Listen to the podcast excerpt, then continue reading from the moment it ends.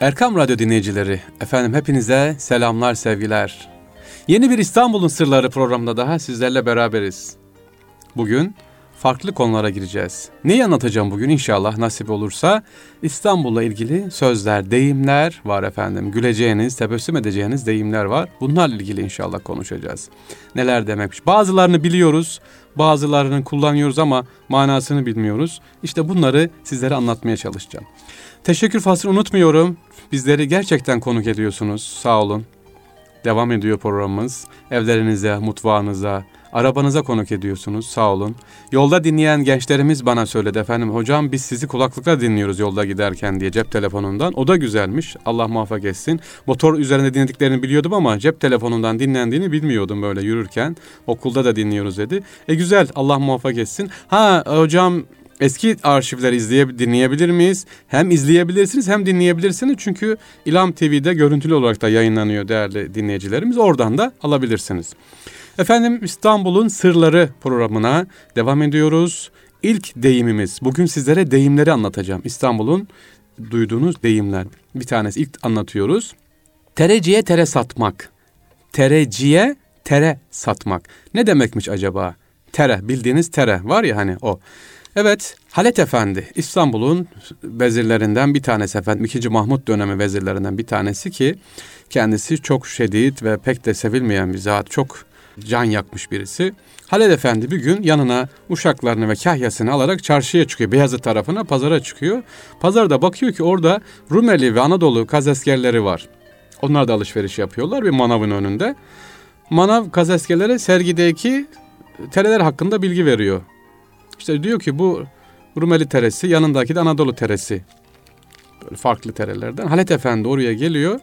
Birden o Manav Efendi diyor. Bu Rumeli teresi yanındaki de Anadolu teresi mi diyor. Şimdi cümleye dikkat edin. Bu Rumeli teresi bu da Anadolu teresi mi diyor.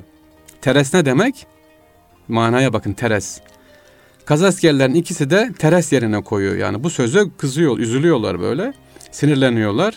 E, meseleyi anlamıyor tabii manav ne dediğini. Haled Efendi'ye dönüp Efendi Hazretleri ter almak ister misiniz diye sorması üzerine Rumeli Kazaskeri adama dönüyor ve diyor ki Efendi Hazretleri tereyi ne yapsın diyor. Onda öyle bir dil var ki engerek dili gibi.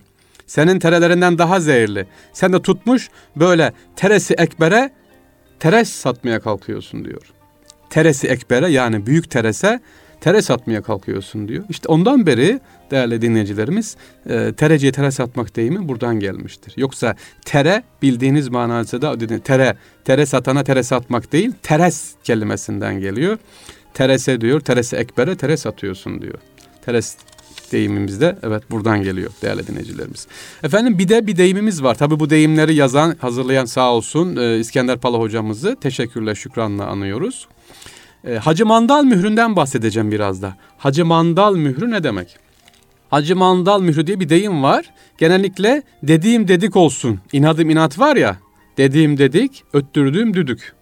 İnadım inat, adım Murat derler. Böyle vardır. İşte bunun bir diğer versiyonu da Hacı Mandal mührü. Ortaya çıkış şöyle. Bir Ramazan günü Yeni Cami avlusunda mühürcülerden birinin başına bir denizci dikiliyor. Gayesi mühür kazıtmak. Ancak mühürde her şey olsun diyor. Ve ısrarla diyor ki yaz baba yaz. Ben İneboluluyum. Orada bize Hacı Karamandaloğulları derler. Denizde bir teknem var. Teknemin ardında bir sandal bağlıdır. Bunların hepsi mühürde yer alsın ha diyor. Hayda. Şimdi ne yazacak adam? Biz İneboluluyuz. Orada bize Hacı Mandaloğulları derler. Bir teknem var. Teknenin arkasına da diyor kayım var diyor efendim sandal bağlı. Bunların hepsi mühürde olacak. Mühürcü nasıl yazsın kafası karışmış. Tabi hemen oraya imdada yanında şair yaratılışlı birisi var efendim. O yetişiyor. Efendi baba diyor. Sen canın sıkma diyor. Kaptanın istediklerini ben söyleyeyim siz yazın diyor. Bakın bu kadar sözü nasıl sığdırıyor. Es sefinetü ma'as sandal. İnebolulu Hacı Karamandal. Anladık mı? Şöyle yazmış. Hüdesü es sefinetü ma'as sandal. İnebolu Hacı Karamandal. Yani manası adamın söze verdiği icaz yine şöyle diyor ki sandalı arkasında bağlı bir gemi İnebollu Hacı Karamandal sahibi. Yetiştirmiş hepsini. Sandalı arkasına bağlı bir gemi İnebolulu Hacı Karamandal sahibi. Burada bakın kelamı güzel e, insanlar var. Veciz söz söyleyen de Osmanlı'da güzel insanlar var. Es-sefinetü ma'as sandal İnebolu Hacı Karamandal. Yani sandal arkasına bağlı bir gemi İnebolu Hacı Karamandal sahibi diyor. Tereciye tere satmak gördük. Hacı Mandal mührünü gördük. Şimdi bir diğer deyimimiz var efendim. Biraz e, tebessüm edeceğimiz ve sık sık söylediğimiz. Ne diyor? Vermeyince mabut neylesin Sultan Mahmut. Efendim Sultan II. Mahmut döneminde geçen bir olay bu. Teptil geziyor. Yani padişahlar kıyafet değiştirirler. Halkın içerisine girerler. Ne var oluyor, neler oluyor diye. Üsküdar'da bir e, adam var. Ona gidiyor, yanına bakıyor. E, tıkandı tıkandı diye şahit olmuş. Habire tıkandı tıkandı diye konuşuyor. İçeri girip sebebini soruyor. Adamcık da anlatıyor. Diyor ki efendim bu gece rüyamda gördüm. Çeşmeler vardı. Bazılarından şarıl şarıl sular akıyor. Bazılarından sızıyor. Bazı tanesi de şıp şıp damlıyordu. O sırada piri bir nurani belirledi. Ona bu çeşmeleri sordum. Niye bazıları şık şık akıyor, bazıları damlıyor, aşağı doğru iniyor diye. Şu şarıl şarıl akanlar padişahımızın tahlidir. Sızanlar devlet erkanından filanca paşaların ve falanca zenginlerin talihleri. Şu damlayan da senin talihindir diyor ve kaybolmuş. Bizimki rüyasında yerden bir çöp almış, damlıyor. Bari şunu biraz açayım diye oynarken o damlayan da gidiyor. İyice tıkanıyor. Çöp kırılıyor, içeride kalıyor. O damlayanlar damlamaz oluyor. Adam eyvah diyor iflas ettim bittim uyanıyor bakıyor ki gerçekten de kazancı her şey damlayan da gidiyor iflas ediyor. İşte diyor ben burada bu dükkanda boş örsü dövüyorum diyor. Yani benim nasibimin elinde diyor. Gelen o damlayı beğenmedim. Tamahkarlık yaptım. Şimdi diyor böyle boş dövüyorum ki tıkandı tıkandı diye. Padişah bu hikayeyi duyunca e, şey yapıyor böyle şaşırıyor. Tıkandı babaya bir ikram etmek istiyor. Ramazan ayında olduğu için sevindirmek istiyor. Ona konağından efendim o dönem 2. Mahmut baklava gönderiyor. Sana diyor hediye gelecek baklava gönderiyor. Bu tıkandı baba baklava tepsisini alıyor. Aa ne güzel hediye gelmiş ikram. Ya diyor benim baklava tepsisi neyime diyor. Baklava tepsisini başka birine satıyor. Bir altına satıyor. Bana diyor para lazım. Ne yapayım ki baklava yiyeyim de diyor. Ertesi gün tabii gene geliyor. İkinci Mahmut padişah oldu belli değil. Ne oldu diyor baklava tepsi gelmedi mi sana? Geldi diyor. Meğersem ikinci Mahmut ne yapmış değerli dinleyiciler? Baklavanın her bir baklavanın altına bir altın koydurmuş. Nasip de olmayacak ya. Her bir baklavanın altına birer altın. Bizimki ne yapıyor? Tepsiyi olduğu gibi satıyor veriyor bir altına. Ah diyor tıkandı baba. Adamın nasibi olmayınca olmuyor. Fakat ikinci Mahmut ne yapıyor? İkna olmuyor. Ee, kendisine bu sefer diyor ki efendim yarın diyor sen gel e, köprünün diyor Galata Köprüsü'nün başına gel. Oradan diyor karşıya doğru geç diyor.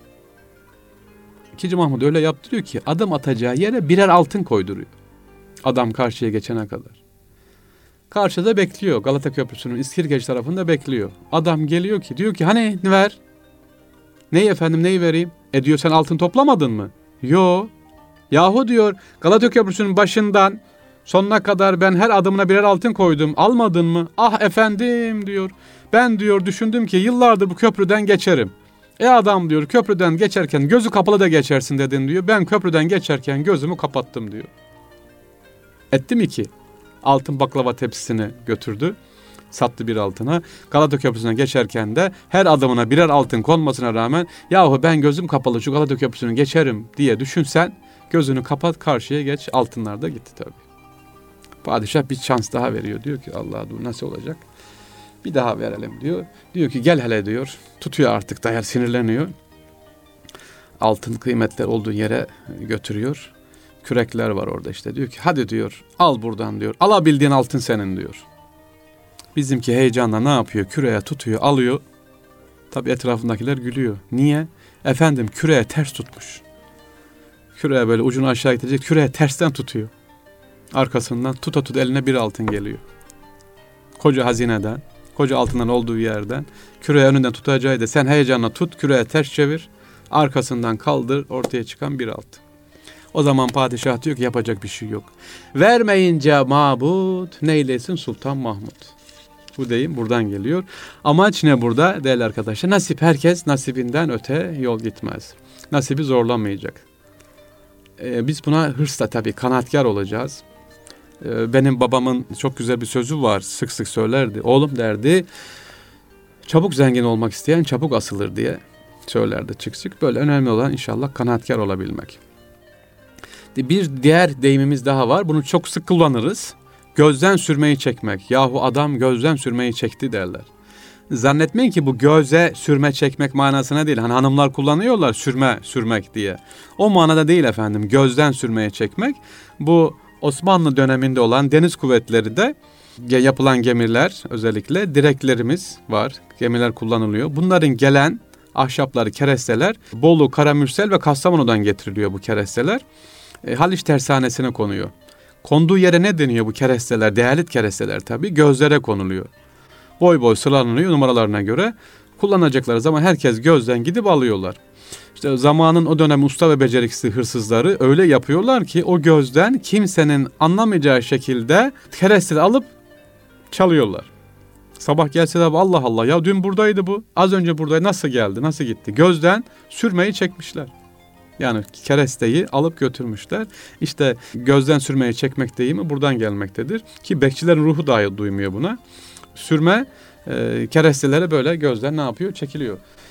İstanbul'da özellikle Haliç tarafındaki o tersanelerde çok önemli tersanelerde keresteler var. Zaten 1984 yılına kadar Haliç'in karşı tarafı hep tersaneler ve kerestecilerle doluydu. Sonradan kaldırıldı tabi odalar açıldı tertemiz oldu. Gözden sürmeyi çekmek öğrendik. Bir de ateş pahası var onu görelim. Ateş pahası deyimimiz var. Değerli dinleyicilerimiz. Kanuni Süleyman efendim e, mahiyetiyle Halkalı civarında ava çıkıyor. Şimdi İstanbul'un dışında uzak bir yer. Aniden yağmur başlıyor. Padişah ve adamları tabii ne yapıyor? Islanıyorlar ava çıkarken. E, hemen ilk yanlarındaki bir eve sığınıyorlar.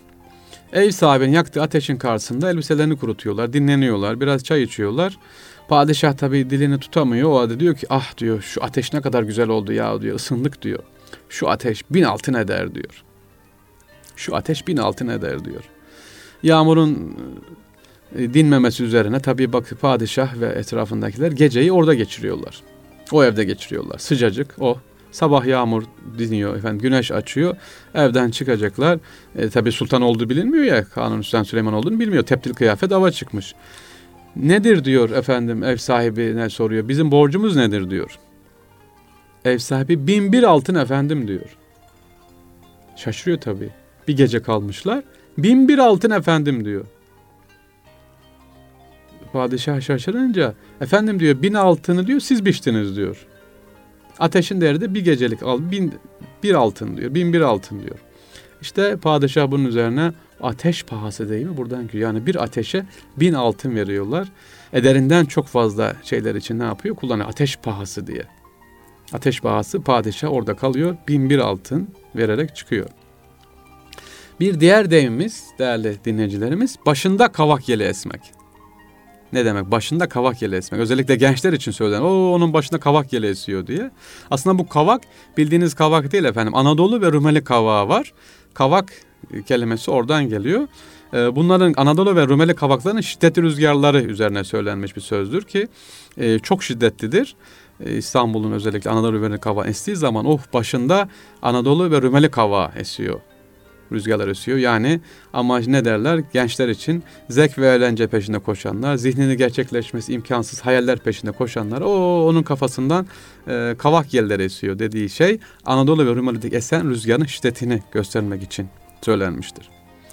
E, yolunuz değerli dinleyicilerimiz Beyoğlu İstiklal Caddesi'ne düşerse özellikle Taksim'den İstiklal Caddesi'ne Beyoğlu'na doğru yürürseniz orada e, tramvayın durduğu bir yer görürsünüz. Tramvay orada de bekler. O Dingo'nun ahırı derler efendim. Dingo'nun ahırı. Oo burası Dingo'nun ahırına dönmüş derler. Ne demek Dingo'nun ahırı? Ee, İstanbul'da ulaşım için atlı tramvayların kullanıldığı yıllarda özellikle iki at ile çekilen tramvaylar var. Şişhane yokuşunu çıkabilmesi için fazladan atlar koşuluyor. Şimdiki de yüksek orası. Azap kapıdan tramvaya eklenen takviye atlar Taksim'de Dingo isimli bir Rum vatandaşımızın bu ahıra dinlendirilir. Sonra tekrar Azap kapıya götürürlerdi. Gün içinde sürekli atların girip çıktığı bu ahır o kadar fazla ki atlar gidiyor, geri aşağı iniyorlar, geri yukarı çıkıyorlar. Girenin çıkanın belli olmadığı için her önüne gelenin girip çıkabildiği yerler için içinde Dingo'nun ahırı deyimi kullanılıyor. Burası da önemli. Ve hala bugün durur. Gidip görürseniz eğer Taksim'den İstiklal Caddesi'ne Dingo'nun ahırını görebilirsiniz. Yani her gelenin at bağladığı gittiği yer diye. Başka bir deyimimiz efendim dolap çevirmek. Bunu özellikle ne derler? Hile hurda yapmak, arkasından iş çevirmek diye. Ne dolaplar çeviriyorsun derler. Dolap deyimi özellikle eskide haremlikle selamlık arasında olan bir dolaptır efendim. Haremlikle selamlık arasına karşılık görmez. Yemekler o dolaba konur sonra bu tarafa çevrilir karşı taraftan alırsın. Özellikle bugün hala Anadolu'nun bazı yerlerinde var. Safranbolu'da özellikle giderseniz bu dolapları görürsünüz. Mutfak ile e, selamlık arasına haremlik selamlık arasında dolaplar vardı hala duruyor. Niye kullanılmış dolap çevirmek dediği e, silindirik alt üst taraflarında mirmille tutuluyor böyle birbirlerine birbirlerine alaka gösteren ve ev sahiplerinin bundan haberdar olmasını istemeyen konak görevlileri dolap vasıtasıyla birbirlerine mektup gönderiyorlar efendim. Bu dolap çevirme deyimi de buradan çıkıyor. Ev sahibinin haberi olmadığı şekilde birbirleriyle haberleşiyorlar. Bir diğer e, deyimimiz var. Püsküllü belamız var efendim. Püsküllü bela çok önemli. Hani de ah başıma sardı püsküllü bela diye. Niye? Bu 2. Mahmut devrinde, Padişah 2. Mahmut döneminde söylenmiş bir söz. Biliyorsunuz Padişah 2. Mahmut Fes'i ilk defa getirdi. Pes kullanılmaya başladı ama çok da dikkat ediyor. Üzerinde duruyor e, resmi başlık olarak. E, fakat bu res başlığı neyi var? Özellikle püskülü var, renkleri ve biçimleri var. Bunların da ütülü olması lazım. Belli olacak. Sağda başka, solda başka, arkada başka. Hepsinin de ayrı ayrı e, püsküllerin durduğu yerler var. Fakat zaman zaman yağmur ve kardan bunların kalıbı bozuluyor. Kalıbı bozulduğu için de ne yapıyor? Sık sık e, fesin kalıba oturtulması lazım ve zahmetli iş kafasına koyuyorsun. Rüzgar geliyor yağmurdan fesin kalıbı bozuluyor. Yamuk yamuk bir hale geliyor. E, püskül saçıyor da gidiyor. Püsküllü bela deyimi bu nereden çıktı diye. Püskülsüz olmaz. Çünkü öyle söylenmiş. Öyle kullanılacak. Memur bunu giyecek. Püsküllü bela deyimi de e, sıkça kullanılmaya bu dönemde başlıyor. Değerli e, dinleyicilerimiz. Bir diğer deyimimiz bugün yem borusu çalmak. Bu da çok önemli. Özellikle e, bizim Osmanlı dönemlerinde efendim Libya'ya çarpışan süvarilerimiz var, atlı süvarilerimiz var. İstanbul'dan oraya atlı süvarilerimiz gidiyor. E, giderken e, tabii e, atlarımız ne yapıyor? Huysuzlanıyor. E, yem de yok, yem az. Birden ya Seyis'in aklına bir şey geliyor. Efendim boru çaldırıyor, boru çal diyor. Bu boruda atlar bu boruyu duyunca hizaya geliyorlar yan yana böyle susuyorlar. Boru ne borusu? Hani Pavlov'un şartlanmış köpekleri vardı ya. Yem borusunu duyan atlar susuyor. Susuyor bir müddet böyle devam ediyor yem verilecekti. Verilmeyince tekrar huzursuzlanmaya başlıyorlar. Tekrar yem borusu çalıyorlar. Libya'ya gidene kadar böyle bu şekilde ellerindeki mevcut yem idare ediyorlar. İşte bu yem borusu çalma deyimi de burada geliyor. Yani e, insanlara ne yapıyor? Oyalıyor, bekliyor. Vereceği hiçbir şey yok ama e, oyalanmaya çalışıyor. İstanbul'un Sırları programında deyimlerden sonra şimdi başka bir efendim bölüm var anlatacağız sizlere. Veznecilerden, Çembeli Taş'tan efendim Sultanahmet'e doğru giderken ya da Çembeli Taş istasyonunda indiğiniz zaman orada yukarı doğru çıkarsanız Beyazıt'a doğru ya da Beyazıt Kapalı Çarşı'nın oradan Sultanahmet'e doğru yürürseniz sol tarafta bir bina var. Tarihi bina var. Üzerinde şu anda basın müzesi yazıyor. Burası bu gördüğünüz bina değerli dinleyicilerim o dönemde matbuatın korkulu rüyası. O dönemdeki yani 1865 yılından işte ne kadar devam ediyor? 1900 e, özellikle 8 1910'lara kadar devam ediyor. Burası efendim dediğim gibi matbaatın yani gazetecilerin ya da medyanın o dönem korkulu binası. Neymiş hocam burası? Şimdiki basın müzesinin ilk halini anlatıyorum. 1865 yılında değerli dinleyicilerimiz burası yapılıyor. Neoklasik tarzda yapılıyor. Ee, o dönemde yapılmış olan ilk bina burası. Dört katlı bir yapı. Niye yapılmış burası? Milli Eğitim Bakanlığı olarak yapılmış. Bugünkü basın müzesi binası ve Darülfünun yani üniversite hizmetinde kullanılmış. Ve burada ilk defa 1875 yılında e, sergi açılıyor. Resim sergisi bu binada açılıyor. Şeker Ahmet Paşa'nın öncülüğünde yapılıyor. Ressam burada eserlerini sergiliyor. Fakat programın başında dedim ki bu bina matbaat yönünden özellikle önemli korkulu rüyası dedim. Çünkü burası 2. Mahmut döneminde sansür heyetine veriliyor değerli dinleyicilerimiz ve burası sansür merkezi. Ne demek hocam? Bu devirde gazetelere girecek bütün yazılar provalar akşam gazetesine e, gazetelerin tüm baskıları buraya geliyor yazı işleri müdürleri tarafından heyete sunuluyor. Sansür memurları tarafından kimi yazı, paragraf bölümler çıkardıktan sonra gazeteye gidiyor. Yani sen bir gazete çıkacak. Yarın gazete çıkartacağım ben. Cumartesi gün gazetesi bugün geliyor. Buradaki heyet inceliyor. Şurayı çıkar, burayı çıkar. Şu olmamış, şu makalenin şu cümlesini çıkar. Çıkardıktan sonra sansür onay verdikten sonra matbaaya gidiyor, basılıyor, dağıtıma gidiyor. Burası sansür merkeziydi. 1908 yılında da e, devam etti. Şehir emaneti yani İstanbul Belediyesi'nin binası da burası. 1908. 1983 yılına kadar burası İstanbul Büyükşehir Belediyesi'nin e, bir binası olarak hizmet verdi. Daha sonra Türkiye Gazete Cemiyeti 84-88 yıllar arasında restore edildi ve 88'den e, itibaren de burası basın müzesi olarak devam ediyor. Gidip görmenizi tavsiye ederim. Basın müzesine mutlaka yolu düşenler olursa özellikle hafta sonu nereye götüreyim ya da ne yapayım gezdireyim derseniz basın müzesine gitmenizi tavsiye ederim. Bir gazete nasıl basılıyor? Bir eser nasıl basılıyor efendim, bir kitap nasıl basılıyor e, aşağıdan yukarıya doğru gezip görebilirsiniz. Bir fotoğraf nasıl çekiliyor, nasıl klişeye gidiyor bunları efendim İstanbul Çemberli Taş'ta Beyazıt'tan Çemberli Taş'a giderken sol tarafta basın müzesinde bulabilirsiniz e, değerli dostlarımız. Efendim basın müzesinden şimdi aşağıya doğru inelim. Biraz Laleli'ye doğru inelim diyorum ben. Orada Koca Rakıp Paşa kütüphanesi var. Ee, geçen hafta, geçtiğimiz hafta Mehmet Nuri Yardım hocamız sağ olsun bahsetmişti kütüphanelerden, kitaplardan. Bu Koca Rakıp Paşa Kütüphanesi İstanbul'un Laleli semtinde bulunan bir kütüphane, farklı bir kütüphane. E, fakat Koca Rakıp Paşa kimdir? Koca Rakıp Paşa Osmanlı sadrazamlarından özellikle ve çok meşhur halk tarafından bilinen birisi değerli dostlarım. Özelliği ise şu, bakın sadrazam tüm mal varlığını kütüphaneye adıyor. Yani İstanbul'un değişik semtlerine tabii bir tanesi bu ve Bosna Hersek, efendim e, Kosova hatta bir kısmı efendim Yunanistan'ın bir şehrinde Selanik'te kütüphane yaptırıyor. Özellikle amacı e, Paşa'nın, Rakıp Paşa'nın eserlerin en önemli e, amacı kütüphane oluşturmak. İstanbul'daki en meşhur kütüphane ise bugün Laleli'de bulunan Koca Rakıp Paşa kütüphanesidir kendisinin adıyla maruf olan. Bu binamız 1763'te tamamlanıyor. Barak Torz'a yapılan bir bina.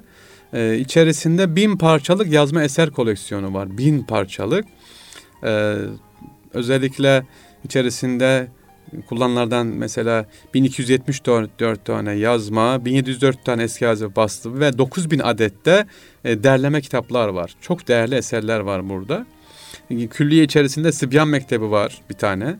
Okul olarak kullanılıyor burası. Daha sonra çocuk kütüphanesi haline getirilmiş. Bu kütüphane özellikle şu andaki Süleymaniye Kütüphanesi'ne bağlı olarak kullanılıyor. Ragıp Paşa'nın rahmetli kütüphane açılıyor efendim. Açıldıktan 40 gün sonra 1763'te hayatını kaybediyor. Ragıp Paşa. Ee, üçüncü Mustafa döneminde tabii bu eserler yapılıyor. O dönemde Koca Rakıp Paşa deyince bugün efendim Rakıp Paşa Kütüphanesi'ni belki çoğunuz bilmezsiniz ama Rakıp Paşa'nın nüktedanlığı çok meşhurdur. Yani espri yapmayı çok seviyor Rakıp Paşa. Osmanlı sadrazamlar içerisinde en nüktedanlarından birisi. Kendisi espriyi seviyor. Bakın şöyle bir tane örnek anlatalım mesela gülelim. Sadrazamlığı döneminde bir tanesini Kıbrıs'a atıyor efendim kaymakamlık atıyor. Diyor ki dönüşte diyor bana diyor bir tane Kıbrıs eşeği getirir misin diyor hediye olarak kadıyasına kadıya. O da baş üstüne deyip ayrılıyor. Üç yıl Kıbrıs'ta kadılık yaptıktan sonra İstanbul'a tekrar dönüyor. Rakıp Paşa'yı görüyor. Ona görüşmek istiyor. Gö- teşekkür ediyor. Ee, sohbet bittikten sonra kadı çıkacak. Efendi diyor kadıya Rakıp Paşa. Ben senden bir Kıbrıs eşeği istemiştim diyor. Ne oldu diyor. Aman efendim diyor. Sizi gördüm aklıma geldi. Eşeği unuttum diyor. Siz hatırlattınız diyor. Rakıp Paşa gülerek diyor ki taşı gediğine koyuyor. Zararı yok Kadı Efendi siz geldiniz ya diyor. Sizi gördüm hatırladım her şey diyor. Rakıp Paşa ne diyor? Zararı yok efendi siz geldiniz ya diyor. Ve e, bu da anlatılı. Şimdi okuyacağım nüktedanı da bu Lale'de kütüphanesi olan Rakıp Paşa'ya aittir efendim. Turşu suyu. Bakın. E, Ragıp Paşa Boğaziçi'nin yüksekçe bir yerinde oturuyor. Sıcak bir yaz günü evine giderken yorulup bir taşa oturuyor. Çok susamış. Orada oynayan çocuklardan bir tane su istiyor kendisine. Su verir misin diyor. E, çocuk da kim? Çocuk da hepinizin bildiği efendim. Ya bazılarınız bildiği Haşmet. Meşhur şair Haşmet. E, Kazasker Abbas Efendi'nin oğlu. Ona bir tas su getiriyor. Rakıp Paşa su içiyor. Oğlum diyor ben senden su istedim. Sen bana turşu suyu getirdin diyor.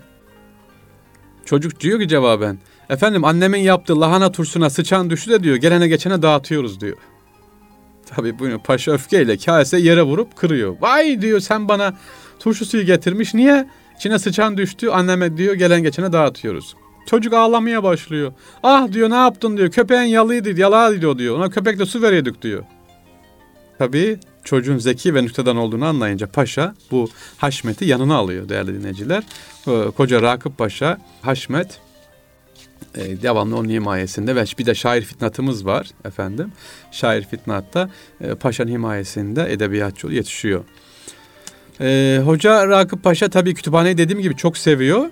Onların bakım içinde tanıdıklarından birini memur tayin eder. Aman kitaplara dikkat et, sıkı muhafaza et bozulmasınlar, kaybolmasınlar diye bir gün ansızın kütüphaneye giriyor Hoca şey, Koca Rakıp Paşa.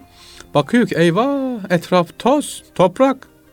Canı çok sıkılır ve bunu da belli etmemeye çalışarak diyor ki Evladım seni tebrik ederim der. Gerçekten de ehemmiyetli bir adam mısın? Teslim edilen şeyler hiç el sürmemişsin der. Her taraf toz toprak içerisinde. Hakikaten de hiç el sürmemişsin. Böyle devam ediyor. Evet, Koca Rakıp Paşa'yı andık efendim. Kütüphane sevgisiyle dolu. E, yolunuz düşerse mutlaka bir uğrayın. Koca Rakıp Paşa kütüphanesi Lale'den aşağı doğru inerken.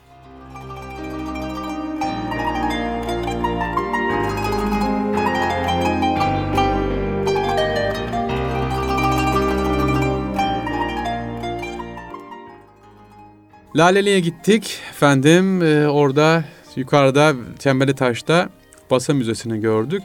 Bir de şimdi size Beyazıt'tan böyle Simkeşhane'yi anlatalım. Simkeşhane ne demekmiş? Adını bir daha söyleyelim. Simkeşhane. 1463 kitabesi var yapım tarihi. Fetihten sonra İstanbul'da inşa edilen ve Fatih tarafından inşa edilen üç tane yapıdan bir tanesidir. Bakın elimizde kalan Fatih Külliyesi, Galata Bedesteni ve Simkeşhane. Şu anda 2016 yılındayız. Fatih'ten elimize ne kalan var derseniz o dönemden orijinal. Galata Bedesteni e, bugün duruyor ve Simke Şahane duruyor. Bir de Fatih Külliyesi'nin bir kısmı tabi. Yıkılan 3. Mustafa tarafından yapılan değil. E, Şadırvan hala Fatih Sultan Mehmet Han tarafından yapılan haliyle duruyor. Simke Şahane neymiş onu açıklayacağım da efendim. Bulunduğu yeri tekrar ediyorum. Bayazıt e, Üniversitesi İstanbul'daki İstanbul Üniversitesi tam karşı Beyazıt Camii'nin karşısındaki yer. Ee, burası Simkeşhane Darphane binası özellikle. ilk darphane binamız büyük zarar görüyor ama e, burası ilk fetih sırasında yapılan sonra darphane olarak kullanılmaya başlıyor. Neler geçiyor burada? Dükkanlar var içerisinde efendim. E, 1726'ya kadar darphane olarak burası kullanılıyor. 1726'da Topkapı Sarayı içine yapılan yeni binaya taşınmasının sonunda e, para basma işimi buradan çıkıyor burası ne olarak kullanılıyor? 1981'den beri ilk halk kütüphanesi olarak kullanılmaktadır. Hala bugün bile. 2001 tarihinde ise Kültür Bakanlığı onayıyla yazar Orhan Kemal'in adı veriliyor burası. Orhan Kemal Kütüphanesi olarak, İl Halk Kütüphanesi olarak da görülebilir. Tarihi bir kütüphanedir. Yolunuz düşerse inşallah bu Simkeşhane'ye uğrayabilirsiniz efendim. Beyazıt'ta, Beyazıt Camii'nin karşısında. Değerli dostlar, Fetih Cemiyeti var. Kara Mustafa Paşa'yı anlatacağım size. Ee, Kara Mustafa Paşa. Kim bu Kara Mustafa Paşa? Viyana deyince aklınıza gelir efendim. Merzifonlu Kara Mustafa Paşa'yı anlatalım size. Merzifonlu Kara Mustafa Paşa ama onun e, Kara Mustafa Paşa medresesi var. Yine e, Beyazıt'ta yaptırmış olduğu. Bu Kara Mustafa Paşa idam ediliyor biliyorsunuz. E, onun yapıldığı yer şu anda Fetih Cemiyeti olarak ya da Yahya Kemal Enstitüsü olarak kullanılıyor. Günümüzde bu işlevini sürdürüyor. Kara Mustafa Paşa özellikle İstanbul'da Beyazıt'tan tutun aşağı doğru inerken sağda solda bir sürü medreseler var. E, bir sürü kütüphaneler var. Bunlardan bir tanesi de Merzifonlu Kara Mustafa Paşa Medresesi ve şu anda Fetih Cemiyeti olarak devam ediyor. Osmanlı'ya özellikle e, devamlı e, Kara Mustafa Paşa eleştirilir değerli dostlar. Niye? Viyana'ya niye gitti? Efendim Viyana'da yenildik. Birçok eşyalarımız işte orada talan oldu, esir oldu. İşte e, Viyana'nın eline geçti, Avusturyalıların eline geçti diye eleştirirler. Fakat ve bunun da idamını Kara Mustafa Paşa niye idam edildi? Çünkü Viyana Seferi, ikinci Viyana Seferi de yenildiği için. Mesele böyle değil efendim, hayır. Yani Kara Mustafa Paşa Viyana'da yenildiği için idam edilmedi. Evet ortada bir yenilgi var. Ama Kara Mustafa Paşa'nın idam edilme sebebi şu İstanbul'da. Kara Mustafa Paşa'nın gidiş sebebi oraya isyanı bastırmak içindi.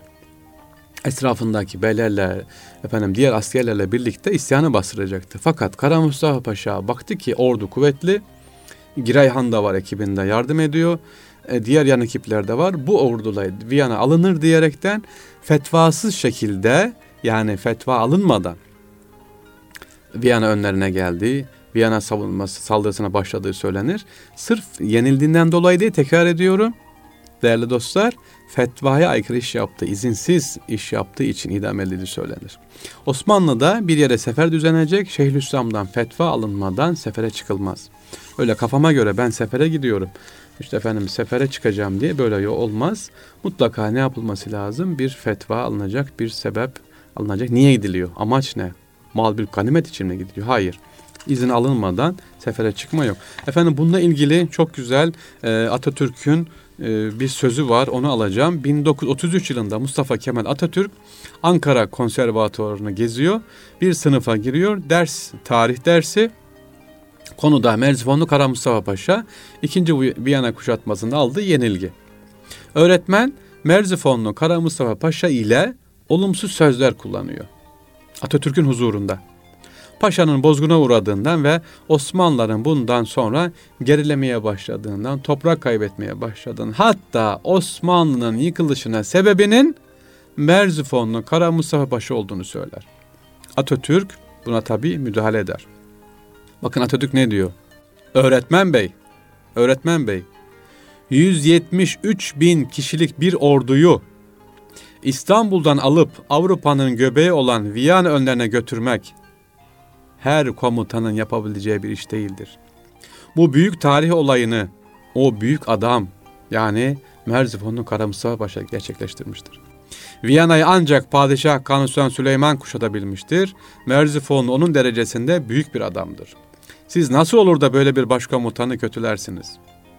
Gençler, Merzifonlu Kara Mustafa Paşa değerli bir komutandır. Bunu böyle biliniz. Bu şekilde yenilenler yenik sayılmazlar diyor arkadaşlar. Değerli Erkam Radyo dinleyiciler. Evet, Merzifonlu'yu duymuşsunuzdur. Efendim değişik hikayeler anlatırlar. Efe yenildi. Onun yüzünden biz geri döndük diye ama hayır işin aslı neymiş? O o kadar bir orduyu oraya getirdi, gönderdi, götürdü değerli bir kordum komutan. İşte biz bunun tavsiye ediyoruz. Merzibanlı Kara Mustafa Paşa'nın medresesini yani bugünkü Fetih Cemiyeti'ni görün. Geçtiğimiz hafta e, bahsetmişti Mehmet Nuri Yardım abimiz de. Gençler, değerli gençler bu Fetih Cemiyeti'ne gidip e, Yahya Kemal Enstitüsü'nde görebilirsiniz. Değerli dinleyicilerimiz İstanbul'un Sırları programının bir kez daha sonuna geldik. Allah nasip ederse inşallah diğer haftalarda ömür verirse tabii bir araya geleceğiz. Devam edeceğiz. Efendim sorularınız olur. Bu hafta cevap veremedim. Doğru haklısınız özür dilerim. İnşallah e, sarrafoğlu fahri.gmail.com adresine sorularınızı gönderirseniz inşallah Teala e, bilmediklerimizi öğreniriz, bildiklerimize cevaplarız. sarrafoğlu fahri.gmail.com Değerli dostlar, Allah'a emanet olun.